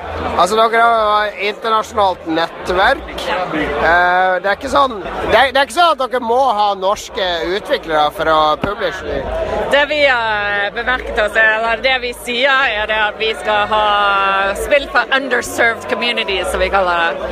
Det tilfeldige er at det er norske, fordi at det er underserved communities. For det at um, vi begynner å bli jævlig flinke til å lage dataspill, Men vi har ikke det kommersielle nettverket rundt oss til å få gode salgstall. og det er for også fordi at vi kjenner til de norske spillutviklerne, og vi vil så veldig gjerne at det skal gjøre bra. Men er det sånn garanti hvis du signer med dere at det blir salg, eller er det sånn Eh, Sånn cirka, kanskje Eh, det jeg kan garantere, er at vi gjør det ytterste vi kan for at du skal selge mye. All right, all right. Ja, jeg har hørt- hørt den før. Jeg stoler mer på det enn de andre, Linn, men eh, ja, det er ingen som garanterer noe som helst i den bransjen her. Nei, det, de som gjør det, tror jeg ikke du skal stole på. Men spiller du sjøl da, Linn? Hva spiller jeg selv? Ja. Jeg er utrolig glad i Tomb Raider-serien. Eh, Den nye eller den gamle, eller begge? Den nye. Ja. Så det har eh, jeg vært veldig opptatt av. Og dette høres helt corny ut òg, men jeg er blitt veldig glad i klang. Hva da? Klang Klang? av Teeny Nations, som tilfeldigvis er... du jobber jo Ja, jeg signa med dere, herregud! Hva skulle du sagt? At ja, det er klang? Jeg, jeg syns det er litt kjipt, men jeg jobber med det likevel. Ja, men han er jo ikke kjip. Nei, men. Klang er bra, da. Det er Tom Ivar. Det er sånn rytme-actionspill. ja. Ja. hva, hva har du tenkt å gjøre med Klang? Hvor stort skal Klang bli? Klang skal bli kjempestor. Altså, vi ja, Det er vanskelig å ikke komme med salgspitcher nå, da. Men altså, Klang, altså Det er veldig lett for oss å selge Klang til eh, pressen. Han får jo med en gang intervjuer med en gang vi se- sender ut. Ja, altså, Pressen elsker sånne enmannsteam. Så, å, det er én kar som har laget hele spillet. La meg snakke med han. Det er jo imponerende, da. Gutten er jo 21 år gammel og har laget et fantastisk Har du spilt det forrige spillet hans, eh, Shadow of the Game? Nei, det har jeg ikke. Har du? Ja, han, jeg ga det terningkast to. Han Ja, gjorde du? Ja, vi har, Det er ikke noe fiendeskap på kontoret, men uh, han er sånn Det var ikke så bra spill, så det er, det er greit. Jeg håper du gir det her spillet bedre. Så, så min avtale med han er at det skal gå opp én karakter for hvert spill. da, Så Klag det er terningkast tre. Nei, nei, nei. Og nei. det er terningkast tre. Du kan etablere her på Lolbua nå. Det er terningkast tre. Nei, nei, nei. Du må gi det terningskast eh, seks i det minste. altså. Herregud. Ja, det er på en D20-terning, da. Thank you. Du får ikke noe annet enn latter fra meg for det. Glem det. Har du faktisk spilt hele spillet? Eh, det forrige spillet hans Nei, Klang. Har du spilt det? Ja. det er, det er kult. Det er, mye, det er helt annerledes. Det forrige spillet er jo forferdelig, da. Herregud, hvis du ikke har spilt det. det er, jeg håper ikke Tom Ivar hører på det her, da, men det er eh, Det er, det er eh, Igjen så snakker vi om en 21-åring. Jo, men tenk hvor gammel han var på det forrige spillet. da. Det var han 18 Ja, nettopp. Han får lov å produsere noe. Da kan du gjøre hva du vil. Altså, og da, da er det bare bra å bli slakta når du er Ja, det er det. Det er Klang. up, liksom. Klang blir bra. Vi skal ha Tom Ivar som gjest når Klang lanseres. Men hvordan blir det da når Tom Ivar skal være gjest hos oss? Det sånn at du må være med og lytte, og så må du liksom riste på hodet hvis vi spør sånn vanskelige spørsmål? Så sitter Linn der. Ikke svar på dette, Tom Ivar! Og sånn. Eller, eller kan de snakke fritt? Nei, jeg syns dere kan få lov å snakke dritt. Det er ikke så vanskelig Ja, jeg snakker om erfaring her fra min jobb. Nei, Men det jeg kan fortelle deg, er at han har vært på så mange intervjuer nå at eh, vi stoler på at han vet hva han driver med. Er, han er flink. Han, han byr på seg sjøl, og det er det som teller. Det var det. Men tusen takk, Linn, og lykke til med Snow Castle Games og det nye spillet som kommer nå i juli. Nei, Snow Cannon! Jeg kødder med deg der. Snøkanon! Det er en helt Ja, annerledes ting Det er sånn i snøslott. slalåmbakken. For å få bedre friksjon for alle de som skal kjøre slalåm. Det er det dere provider. Snø for alle de som skal kjøre ned bakken. Ja, det er viktig. Var det det dere tenkte på når dere valgte navn? Nei, vi tenkte på eh, Vi kjørte faktisk i en snøstorm eh, fra Gardermoen til Hamar, faktisk. Og jeg var i ferd med å skrive stiftelsespapirene våre i bilen. Hadde, Så hadde dere ikke noe navn? Nei, vi hadde ikke fått noe navn ennå. Så var det bare liksom å begynne å tenke på navn, og så tenkte vi på snø, og så tenkte vi noe positivt som man kan gjøre med snø for å skape visualitet og få spillet ut i markedet. Men vi tenkte jo bare det at ja, ja, vi kan jo alltid endre det etter en stund. Men så vokste det på oss. All right. Det er historien. Eksklusivt på Lolbua, Stone Cannon Games. Eh, lykke til med indie-dagen i morgen, da, Linn. Ja, det gleder jeg meg til. Ja, takk for nå. Ja, takk. Vi skal snakke om hva vi har eh, spilt i det siste. Hyggelig dame, hun Linn. Ja, jeg hører du sier det. Grepa dame, må jeg si. Og veldig morsom. Hadde mange gode vitser på lur. Ja, hun hadde det. Og jeg likte, jeg likte at hun, hun tørte å være seriøs òg oppi all den tullinga. Oh yeah, hun er dødsseriøs. Har fokus. Eh, vi spiller jo spill her i Lolball, vi prøver i hvert fall innimellom. Vi er ikke så flinke. Er, vi, er, er det noen av dere som anser dere som sånn skikkelig flink gamer? Nei. Nei. Vi er jo eh, spilljournalister. Vi, er, vi suger i alle spill. Det har jo vært en, en, en krass debatt de siste ukene etter at Polygon la ut en sånn video der de spiller Doom. Ja. Der de basically den personen som spiller inn den videoen, han kan bare bruke sånn én analog spake om gangen. Han driver liksom og går litt sånn rett frem, og så snur han seg litt, og så skyter han på et monster. Og så går han litt, og så sikter han febrilsk mens han står i ro, og så skyter han på et nytt monster. Og sånn. Den har fått mye tyn, den videoen. Veldig rare greier. Det er litt sånn som, uh, som Clueless Gamer med Conan O'Brien. Ja, det er jo det. Altså På den ene sida så skjønner jeg jo at det er jo ikke Arthur Geese som har anmeldt spillet, som har sittet og spilt inn den videoen. Fordi Nei. det å spille inn som spillvideo, det er jo ganske Ikke kjedelig jobb, men det er, det er en jobb som er, Det er en annen jobb enn å sitte og anmelde spill. Ja. Så de har jo en sånn videoavdeling der en eller annen dude har eh, Eller de har sagt vi må ha en Doom-video her i spillet. Og så har en eller annen satt seg ned. Så jeg har jo forståelse for at sånn kan skje, men samtidig så burde man vel kanskje kvalitetssikre sånn, jeg vet ikke. Ja, Sånn burde den være obs på. Du burde vite, kjenne publikummet ditt godt nok til at eh, Altså, selv om ikke du trenger liksom å være eh, topp ti i verden i det spillet, så vis i hvert fall åssen det vil se ut når en normal spiller eh, løper rundt i det. Ja. Det er som om vi skulle spille inn sånne her, eh, første 20 minuttene fra det hemmelige strategispillet som du skal begynne på, Magnus. Og de første 20 minuttene er bare du som sitter og leser opp og ned på alle tutorialtekster. og høyreklikker på alt og sitter og leser på stats. Du gjør ingenting i spillet, du bare skal sette deg inn i alt først. Musepointeren står bare stille, og så er det meg som sitter, og alt tabber ut og leser på internett. Ja. Jeg bare ser en YouTube-video. fra mikrofonen og blar i manualen og slår opp ting. og sånn. Ja, all right. Men uh, ja uh, Internett rage kjenner jo som kjent ingen grenser. Vi har glemt å si at vi, vi ble jo uh, Notch nevnte Lolbua i en tweet. Ja, det gjorde han. Ja. Hva, hva Det var vel, det det var vel ikke vår fortjeneste, var det det? Det var vel Nei. en som sendte oss ei melding, som, og han var litt krass mot Notch, som gjorde at Notch svarte Ja, han. Notch, Notch sa jo at han tweeta at han hata Oculus Rift, og så skrev jeg at eh, Eller vi skrev at eh, Gud så bitter Notche. Og så var det en av våre kjære lyttere som eh, skrev noe sånt om at Notch var en litt sånn sytete bæsunge, og så, så svarte Notch på det, da. Og det er jo kult. Han svarte kuku, kuku. Ja. Jeg skjønte ikke hva det betydde, men eh, det betyr noe om gråting. Gråt. Eh, ja, det er liksom sånn grineøyer som det skal Starcraft tror jeg det kom fra. Det Nei, er veldig Warcraft kommer det opprinnelig fra, og da var det at du Warcraft, ja, kunne ja. quit-quitte, og da var det liksom quit game, og så, eller at du quitta det online-spillet du holdt på å spille, pluss at du quitta selve spillet, og det var sånn folk rage-quitta før. Eh, Men altså, quit og quit helt var liksom en sånn ting man kunne si til folk, men nå blir det brukt som eh, grineøyer, som det jo ser litt ut som, sånn emoticon-messig.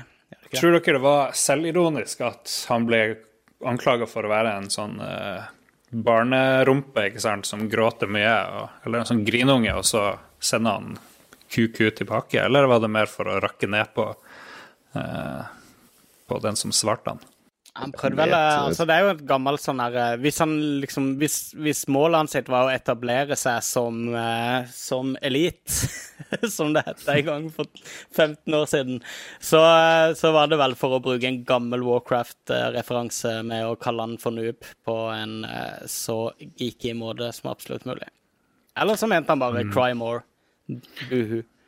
Ja, ja. Sarkastisk. ja, ja. Det var nok Crime War han mente, ja. Men eh, ja, han er en eh, outspoken mann på Twitter. Har Ja, ja, storma litt rundt han i det siste. Eh, han om det. Svensk, svensk En outspoken svenske er jo en sjelden ting i seg sjøl, så Ja, vi får være glad for de få outspokene svenskene vi har.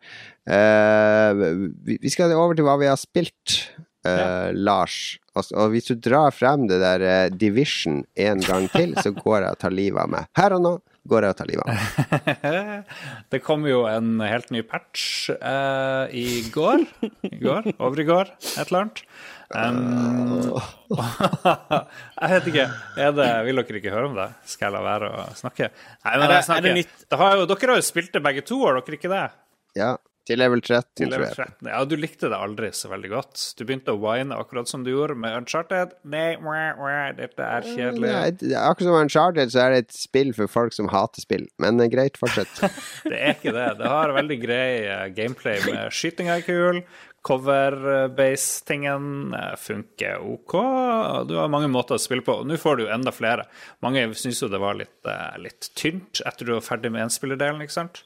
Så blir du bedt om å gå inn i the dark zone, hvor det er PVP og veldig skummelt. Alle kan drepe deg hvis de vil. Og så er det også sånne datastyrte fiender som du kan prøve å skyte med. Men nå så har det plutselig blitt masse å gjøre utafor Dark Zone igjen, pluss at Dark Zone har blitt delt inn i flere deler. Um, du har uh, Når du fin- finner lut i Dark Zone, så må du jo hente det ut med helikopter for å kunne få det liksom inn i inventoryen din. Og nå er det blitt så veldig morsomt at du kan fære og skjære ned tauet eh, til andre spillere som driver og sender sine ting opp i helikopteret. Det detter alt ned på bakken. Eh, og så blir det selvfølgelig enda mer krig. Det er litt morsomt. Mange syns det er skikkelig kjipt, men jeg syns det er litt, eh, litt gøy. Miss, ny solo-mission, ny incursion som faktisk ikke suger. Dessverre så har det kommet masse nye bugs, og spillet er bare latterlig fullt av bugs. Og veldig mange går og klager på det. Men jeg regner med det blir fiksa rimelig fort i mest alvorlige. Så vellykka oppdatering. Og Jeg kan si noe om eh, et av årets aller beste mobilspill. Jeg må, beklage sist, jeg kalte jo Clash Royale for Clash of Kings, men det er jo veldig mange like navn i de der freemium-spillene. men det var altså Clash Royale jeg snakka om forrige gang, som jeg fortsatt spiller av og til på mobil. Morsomt strategispill. Men jeg fant et annet mobilspill som er enda mye tusen ganger bedre, cirka. Det laga han samme duden som lagde 868 Hack, som i hvert fall både meg og Lars eh, spilte ganske mye. Veldig kult sånn turn-based eh, strategispill, eh, der du er en hacker i et rutenett. Han duden har nå laga et strategispill som heter Imbroglio.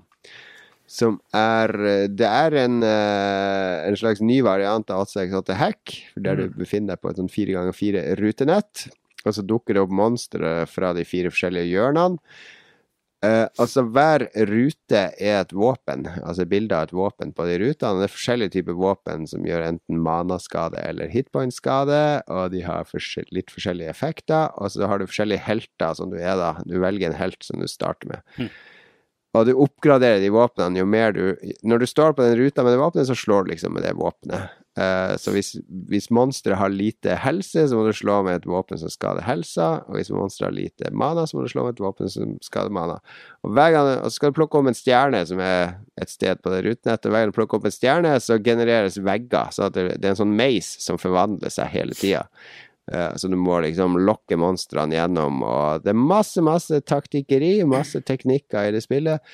Utrolig vanedannende, og det er også sinnssykt fin musikk, eller lydeffektene er liksom musikken, for hvert angrep er en sånn her eh, klimpring på en gitar. Så, og når eh, våpnene oppgraderes, så blir det litt mer kraftige klimpringer. Så når du går rundt, det blir en sånn rytme i det, da. Du går rundt. Så det blir veldig, veldig sånn hypnotiserende opplevelse. Så jeg lå Lasta det på senga en morgen i Malmö og ble liggende en time ekstra og, og spille det. Og jeg spilte masse siden da. Det heter Imbroglia, koster 44 spenn. Og der har vi halvparten av mobilspillene bare Hva, 44 for et mobilspill?! Men jeg har spilt det i oh, sikkert fire-fem timer allerede. har hatt mye mer nytelse ut av det enn de 600 kronene som du har kasta ut av vinduet på Uncharted. Så det Er du blitt ferdig med det er et Uncharted, suverent jeg Ja, jeg er ferdig med Uncharted. Vil det si at vi òg er ferdig med at du spiller Uncharted i chatten på uh, Facebook? Jeg har veldig, veldig mange tanker om Uncharted, så jeg tenkte jeg skulle skrive en lang, lang tekst om uh, keiserens nye klær. Men vi får se om det blir noe av så snart jeg er ferdig med årsregnskap og andre kule ting som det henger over meg nå. Interessant. Du kan jo lage en Let's Play mens du uh, fra random level mens du river det i fillebiter. Det er jo morsommere. Kan du vise hva du mener. Ja, det for så vidt. Det- For det er morsommere å se på folk spille Uncharted enn å spille det sjøl, har jeg funnet ut. Men, uh, men nok om Uncharted. Jeg har, eh, Magnus kan ta sitt spill, så kan jeg ta det siste spillet, siden det er det beste. Uh, ja, Um, det er jo ikke så veldig sensasjonelt. Vi har prata allerede ganske mye om det. Men omsider så ble jo Overwatch uh, sluppet. Det er selvfølgelig Blizzards eh, eminente teambaserte, heltebaserte shooter. Som endelig er lansert, og ikke så veldig overraskende, så har jo folk vært dritfornøyd med det i pressen. Og det har vært eh, litt grann, eh, kritikk fra elite hardcore pro gamers som syns at eh, spill som eh, appellerer til andre enn elite hardcore pro gamers er noe drit, så de har selvfølgelig båret seg litt i kommentarfeltene. Men det har gått veldig flott for seg, egentlig. Um, sist når jeg spilte Altså, i closed beta spilte jeg PC-versjonen, og i open beta spilte jeg Xbox-versjonen. Nå har jeg begge versjonene. Og her forleden så satte jeg meg ned, og så spilte jeg PC-versjonen. Og så satte jeg meg ned umiddelbart etterpå og skulle spille det på konsoll, og det var uspillbart, bare så det er sagt. Så hvis, eh, hvis noen har tenkt å, å kjøpe spillet på flere plattformer, så vil jeg sterkt fraråde det. Men det er veldig gøy på begge to eh, separate. Jeg har sett eh, Gusta, vår eh, kollega, har jo fått det på Xbox òg. Jeg har sett at han har spilt en del. Og det er en del kompiser som spiller det ganske eh, Ja, jeg vet ikke. Som har allerede klart å etablere et ganske usunt forhold til, til hvor mange timer de har investert i det. Spillet er dritbra. Det går supersmooth på konsoll, for de som trenger det. 60 hertz, eh, 1080p goodness. Ferdig testa, superstabilt, bugfritt, vakkert, morsomt og avhengighetsdannende.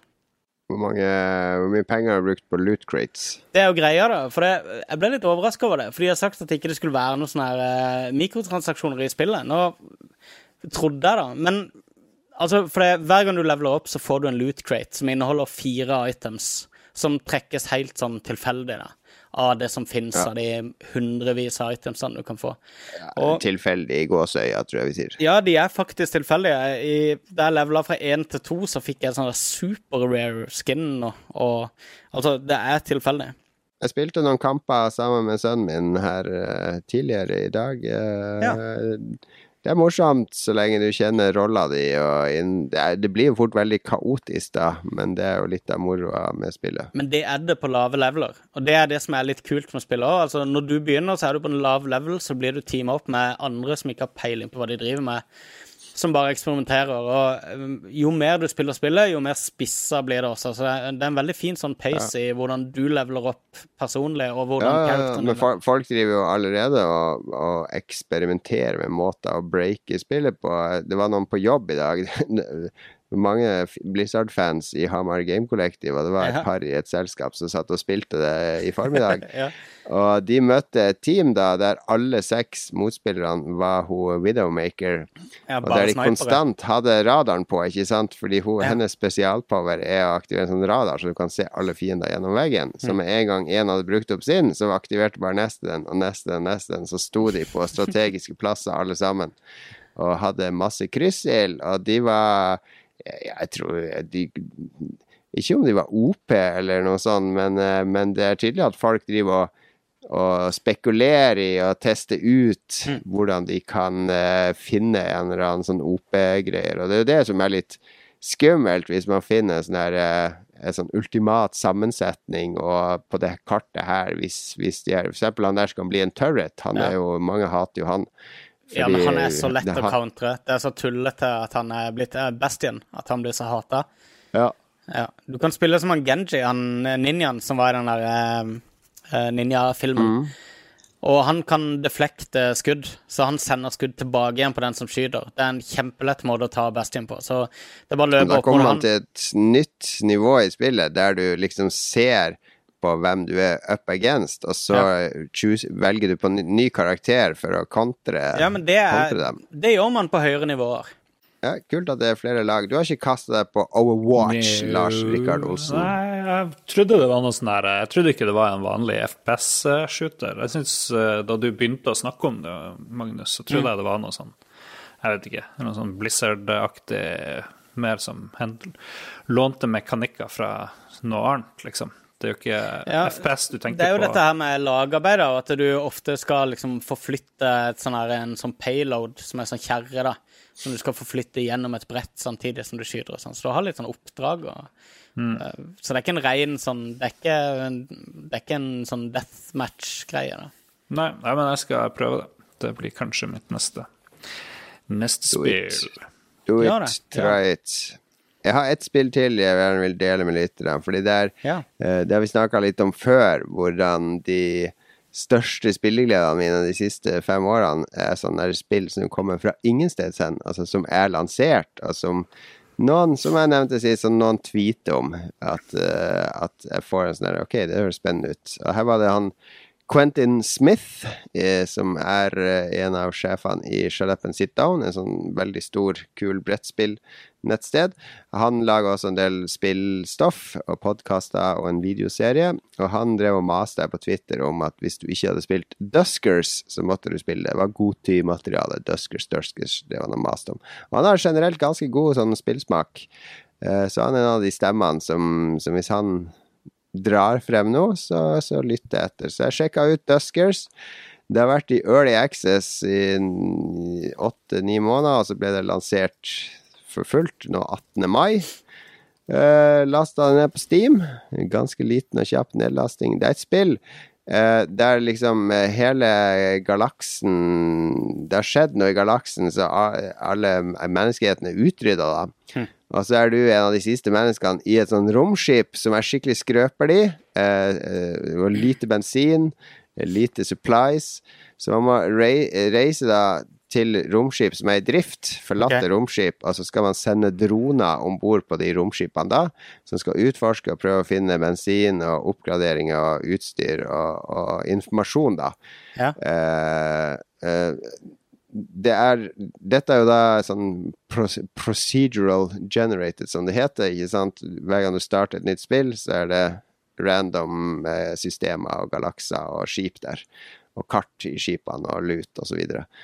Um, og det er, det er et av de mest intense spillene jeg har spilt i år. Fordi det har en sånn 80-talls dataestetikk. Eh, det slik- du ser ikke fra dronene, men du ser kart ovenifra. Og, og det er sånn grønn eh, skjerm med sånn der videobilde Veldig mye inspirasjon fra de skjermene i Alien og Aliens-filmene, med litt sånn statisk støy og, og buss i bildet og, og fargeflimmer og sånne ting. Og så styrer du da disse robotene ovenifra, eller disse dronene, og du kan Og du gir kommandoer, da. Du kan styre dem med piltastene. Men du gir kommandoer via å skrive, skrive på tastaturet, da. Så du, skri, du skriver sånn her Q1 for å åpne dør nummer Q1, som det står på kartet. Uh, du kan også skrive kommandoer at den roboten skal gå til det rommet, mens du styrer en annen robot som gjør noe annet. Uh, og det blir veldig kul, intenst strategispill, fordi det de har gjort, de som har laga de har sett på de mest intense øyeblikkene av Alien, sånn som motion scanneren og sånn, og hvordan det ukjente alltid er det mest skumle, da. Så det lurer jo farer i disse rommene. Det lurer aliens, det lurer sånn fiendtlige droner. Og du har ikke noe særlig våpen. Du har ikke noen måter å, å, å slåss på. Så man må drive og skanne rom, og så får du liksom sånn varsel. Ok, her inne er en fiende. Da kan du manipulere fienden ut av rommet ved å åpne en bakdør, altså se om han går ut, og så kan du lukke den bakdøra, og da kan du gå trygt inn i det rommet. Du kan lage en felle i det rommet han går inn i, du kan åpne Det er masse, masse du kan gjøre som kommer til deg basert på hvilke droner du har, hvilke utstyr du har. Uh, sjelden sett Det får meg til å tenke hele tida og finne sånne kule løsninger. Og så er det jeg føler skikkelig at jeg sitter oppi det romskipet mitt og ser på denne skjermen og styrer disse dronene, fordi det er sånn total immersion. Hm. Så det Duskers heter det. Um, veldig, veldig kul. Jeg tror det har 97% tomler opp på Steam eh, så langt, som er eh, ganske bra. Eh, veldig, veldig kult indiespill. Koster 160 spenn eller et eller annet. Kommer fra et selskap som heter Misfits Attic. Sjekk ut traileren. Den har nice, nice estetikk. Grafikken syns jeg er superkul, fordi du får aldri se ting klart. Det er ikke sånn klart kart, sånn som i Alien Breed fra Team 17, som sikkert Lars husker. Det er sånn blø Det er sånn blueprint-type kart eh, mm. med, med outlines av ting i rommet. Av, du ser noen rom, så ser du at det her er jo blod, det her er jo lik som ligger og sånn. Du ser det liksom vagt, men det er ikke sånn in your face. Mm. Så Duskers, noe av det aller beste jeg har spilt i år, og, og et spill som jeg skal bruke mange timer på. En blanding av FTL, kanskje, og Aliens og uh, Ja. Du har blitt en skikkelig spillhipster etter du ble sånn her eh, CEO. Jon. Det hater Uncharted. Ja. Vil bare høre hva eh, sånn her Jonathan Blow mener er verdens beste spill. Og gidder ikke å lese anmeldelser, vil bare ha tweets. Jeg vil bare ha spilltweets. Ja, det blir interessant. Jeg er spillhipster og stolt av det.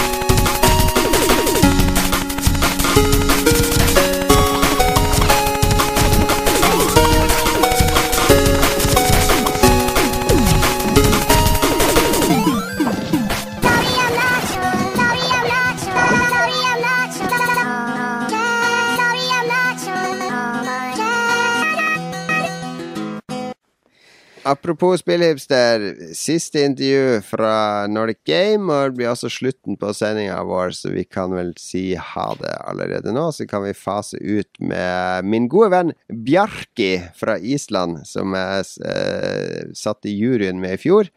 Og som eh, satt eh, ved middagsbordet med i år. Uh, det eneste intervjuet jeg ikke har hørt gjennom, fordi det, det, Jeg er ikke helt sikker på hvorfor. Det er mulig vi disser Rune Fjell Olsen der, for han var i juryen i år, så jeg vil gjerne ha Bjarki til å si at jeg var mye kulere enn Rune Fjell Olsen. Mm.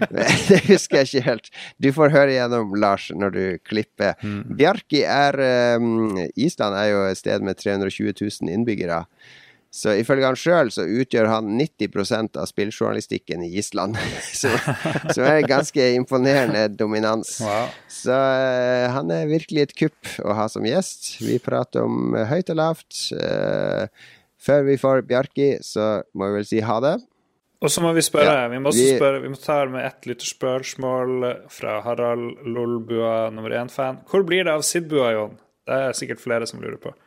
Ja, hva skjedde med det der regelmessige Sidbua? Skal vi en gang i måned? Det er regelmessig ja. hvis det er kvartalsvis.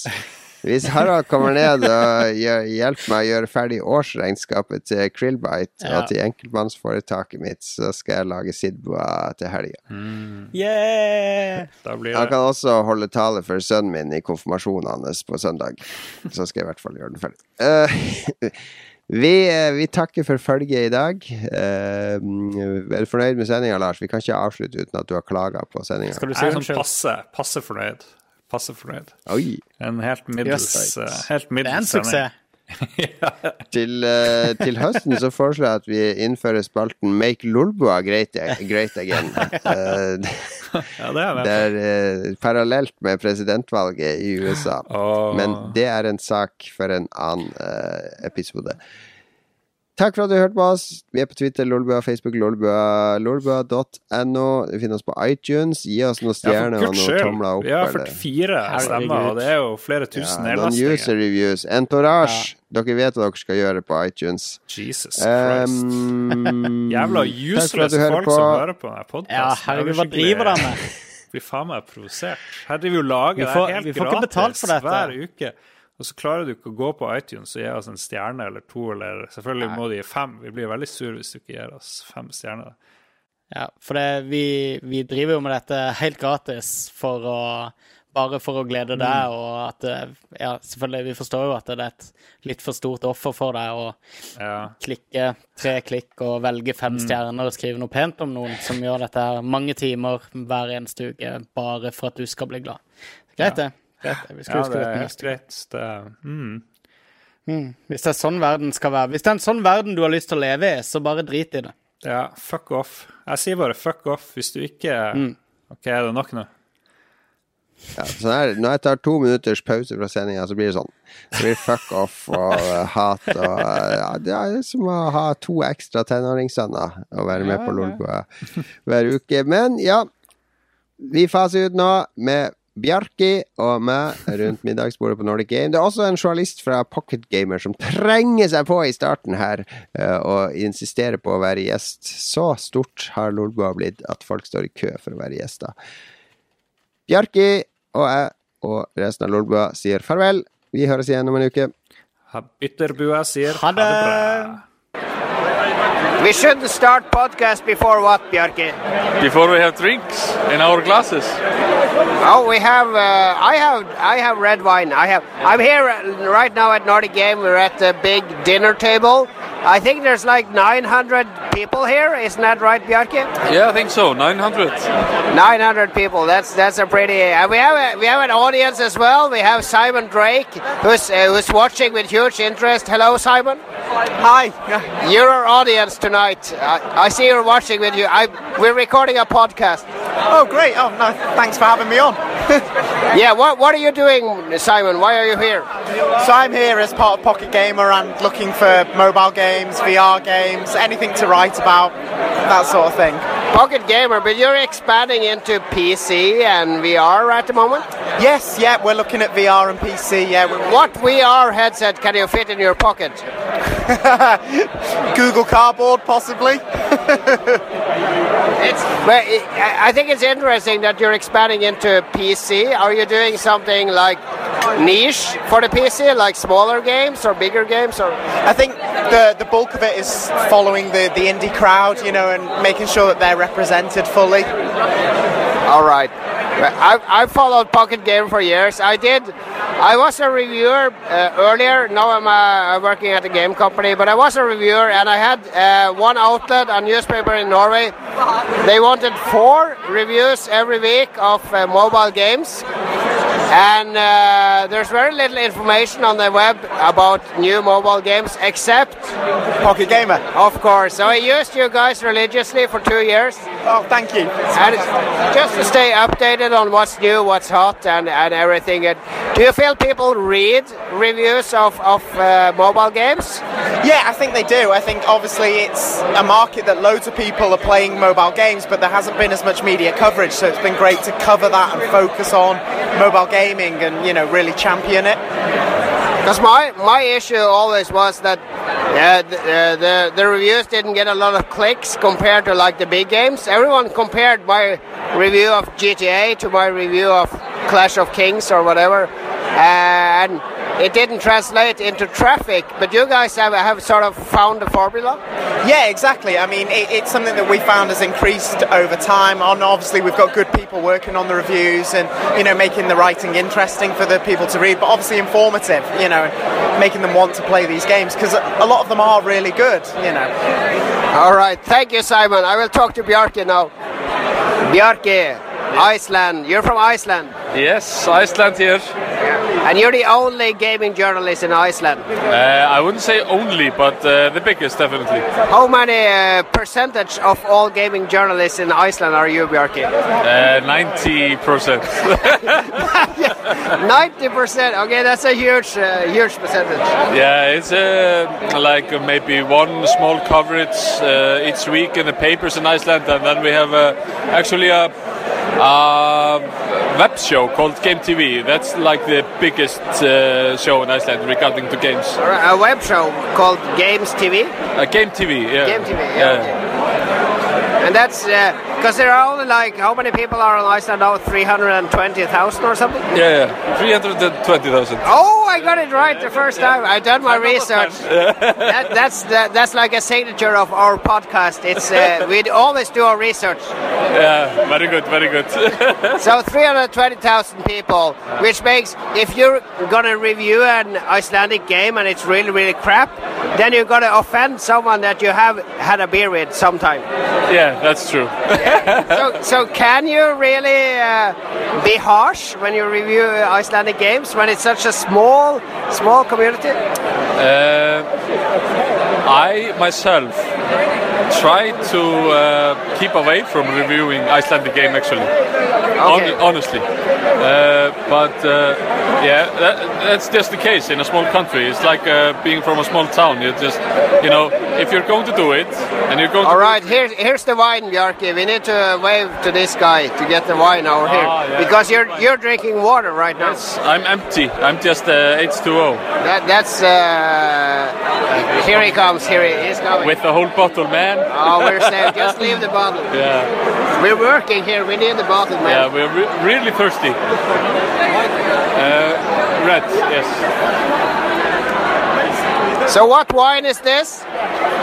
Italian wine. Oh, God. Oh, that's good. I hope it's good. Thank you. Oh, he was uh, really generous. Oh, yeah, yeah, yeah. I distracted him for you, Bjarki. Good job. All right, so so you, you'd rather not review the Icelandic games, but I see some sort of business deal we can make here. If there's a new Icelandic game, you could send it to our podcast, and we would review it for you, Yeah. and you could translate it and put it on your website and say this is this is from someone outside Iceland. Would that work? yeah, I mean, uh, we would definitely, but we definitely uh, review Icelandic games. But just me personally, I, I try to avoid it. I try to uh, let uh, the other guys do it because, uh, especially because I'm a jury member on this, uh, you know, Nordic Game Awards, and I, I don't, I don't want to, you know, put a stamp on a game before. Yeah. Yeah. So, uh, but we would definitely uh, review the games. We, we do, but yeah, definitely. You should also uh, check out the games and, and uh, say what you think about it. Oh, we would love to do that. Yeah. We, we love Iceland in Lulboa. Lulboa is the name of our podcast. Uh, we used to be in the jury uh, last year. I met you in the jury. yeah. We uh, we hung out together. We had a great time. Yeah, yeah, exactly. Uh, did you miss me this year? Uh, I cried a little bit. Yeah, because you had this bald guy called Rune Fjell Olsen. He's a really nasty guy. You don't, you didn't really like him. Uh, no, he was uh, kind of terrifying. He is he, he is a terrifying character. Oh no, lots of lots of love from Iceland. You're a really nice guy. Okay, okay. He, he's listening in sometimes, so I just want I just want to put him in his place. All right. Uh, so Icelandic games. I mean, uh, we we've talked about this off the microphone, but let's talk about it on the microphone. It's just CCP, right? This is it's nothing else. I mean, CCP is the like the mothership of uh, Icelandic gaming industry, but we actually, I mean, uh, we have a great uh, indie game industry going on right now, and, and we also have uh, Plain Vanilla, uh, which is uh, doing actually uh, uh, big things right now. They are, All right. um, That- those are the quiz up guys. yeah, the Quiz Up guys. They actually made an app called Quiz Up where you answer. Uh, That's a really really good quiz app. Yeah, I, I, it. I played it a lot. Yeah, cool. They actually made a deal with uh, NBC, I think, uh, some big, uh, you know, television broadcaster. All right. And they are making a TV show, you know, based on Quizup. So it's like an interactive uh, television show. Really cool. Yeah. Uh, but, but you know, CCP is like the big, big, Yeah, big, yeah. big battleship Definitely, hanging over all their little frigates. You can you, you can hear I'm playing Eve. Uh, have you played Eve ever? I try to play uh, Eve, but I have a family, so it's. Uh, it's uh, I have a family as well. What are you saying, man? Oh, it's, it's just really, really, really hard. But but you know, I actually enjoy the stories I hear from Eve Online. You know, That- that's the thing with that game, yeah. the big battles, the epic adventures, And and the stories about this small team creating havoc and and all the things crossing over into real life. okay, cool, yeah. Yeah, like like people calling each other in real life, being Yeah. really angry at each other because it's it's really a, a, second life for a lot of people. Yeah, it is, and, and you actually can see this in uh, Eve FanFest. You know, You've been to a lot of Eve fan fests. yeah, for the past five FanFest, I think. Yeah, it's and, it just keeps uh, getting bigger and bigger, and and like uh, I think it two, it's uh, two years ago or something when uh, CCP decided to uh, make a monument uh, in Reykjavik.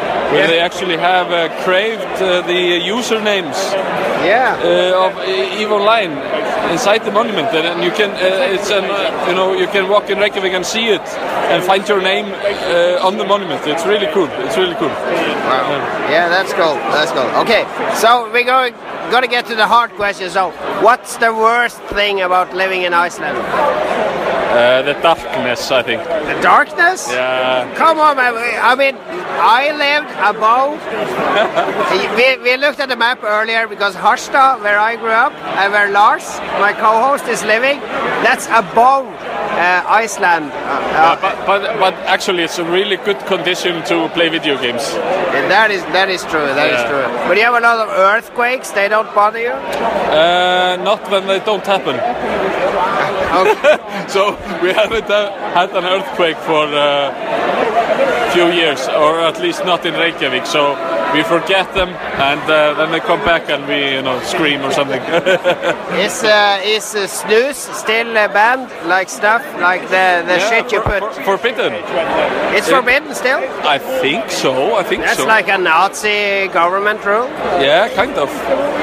It's uh, I, I remember that from when I was in Iceland years ago. Yeah. And the guide said uh, snooze is not allowed. And what? Why? Yeah. Why, I- why I- isn't it allowed? I don't remember actually. I'm, I've never been into this uh, snooze uh, thing, but uh, last time I, I checked, it was forbidden. I don't know why, honestly. Okay, it's a strange law. I also heard that beer was forbidden for many many years. Yeah. Until the 80s. Yeah, we actually put uh, when, when when the beer was forbidden, and people wanted, you know, beer. Uh, they actually put pilsner, you know, the non-alcoholic beer kind. Yeah. and put some vodka in it. Oh. And uh, if you try it, uh, you, you're going to puke. It's disgusting. I, I I haven't tried. I definitely want to try it now. It's like hardcore stuff. But, But but the reasoning for that was because there was so uh, little fertile uh, um, uh, land. So you had to the little fertile land. You had to grow food and not uh, food to use for uh, beer. Uh, there are several several reasons for this, but uh, in the end, it was mainly just because you know the government wanted people not to get drunk, and they thought if they could get uh, their hands on some light alcohol liquid, they would constantly be drinking. Yeah, but but like whiskey was allowed, but beer wasn't. Uh, uh, I mean, brennivin. We have brennivin here. Yeah, Brennivin. Yeah, have you tried Brennivin. brennivin? Brennivin was allowed. Oh, oh, oh. And so he's bringing from his jacket now. A gift uh, from me to you. Oh, it's a gift for Nulva. I will share this with my co-host. I just received a small bottle of Brennivin. Uh, it's been uh, actually brewed since 1935. Yeah. Wow. Thank you so much, Bjarki. Thank you for being a guest on our uh, very, very weird podcast. Thank you. Uh, it's Gonzo style as always, and I'll I will fill this phone with guests all evening. That's my agenda this evening. But you're the first, you're the best, Bjarki. Thank you. Thank you. Oh, I forgot the, the Thor. You have a middle name Thor. Yeah, Thor. Is, yeah. is that like uh, uh, some Icelandic thing that we you have to have like Odin or Thor or Balder or something to have like the Norrøn uh, connection? Uh, I have a long story, but the short story is uh, yes. All right, all right. the God of Thunder, the God of Thunder as a guest here in Lolbua. Thank you, Bjarke. Thank you.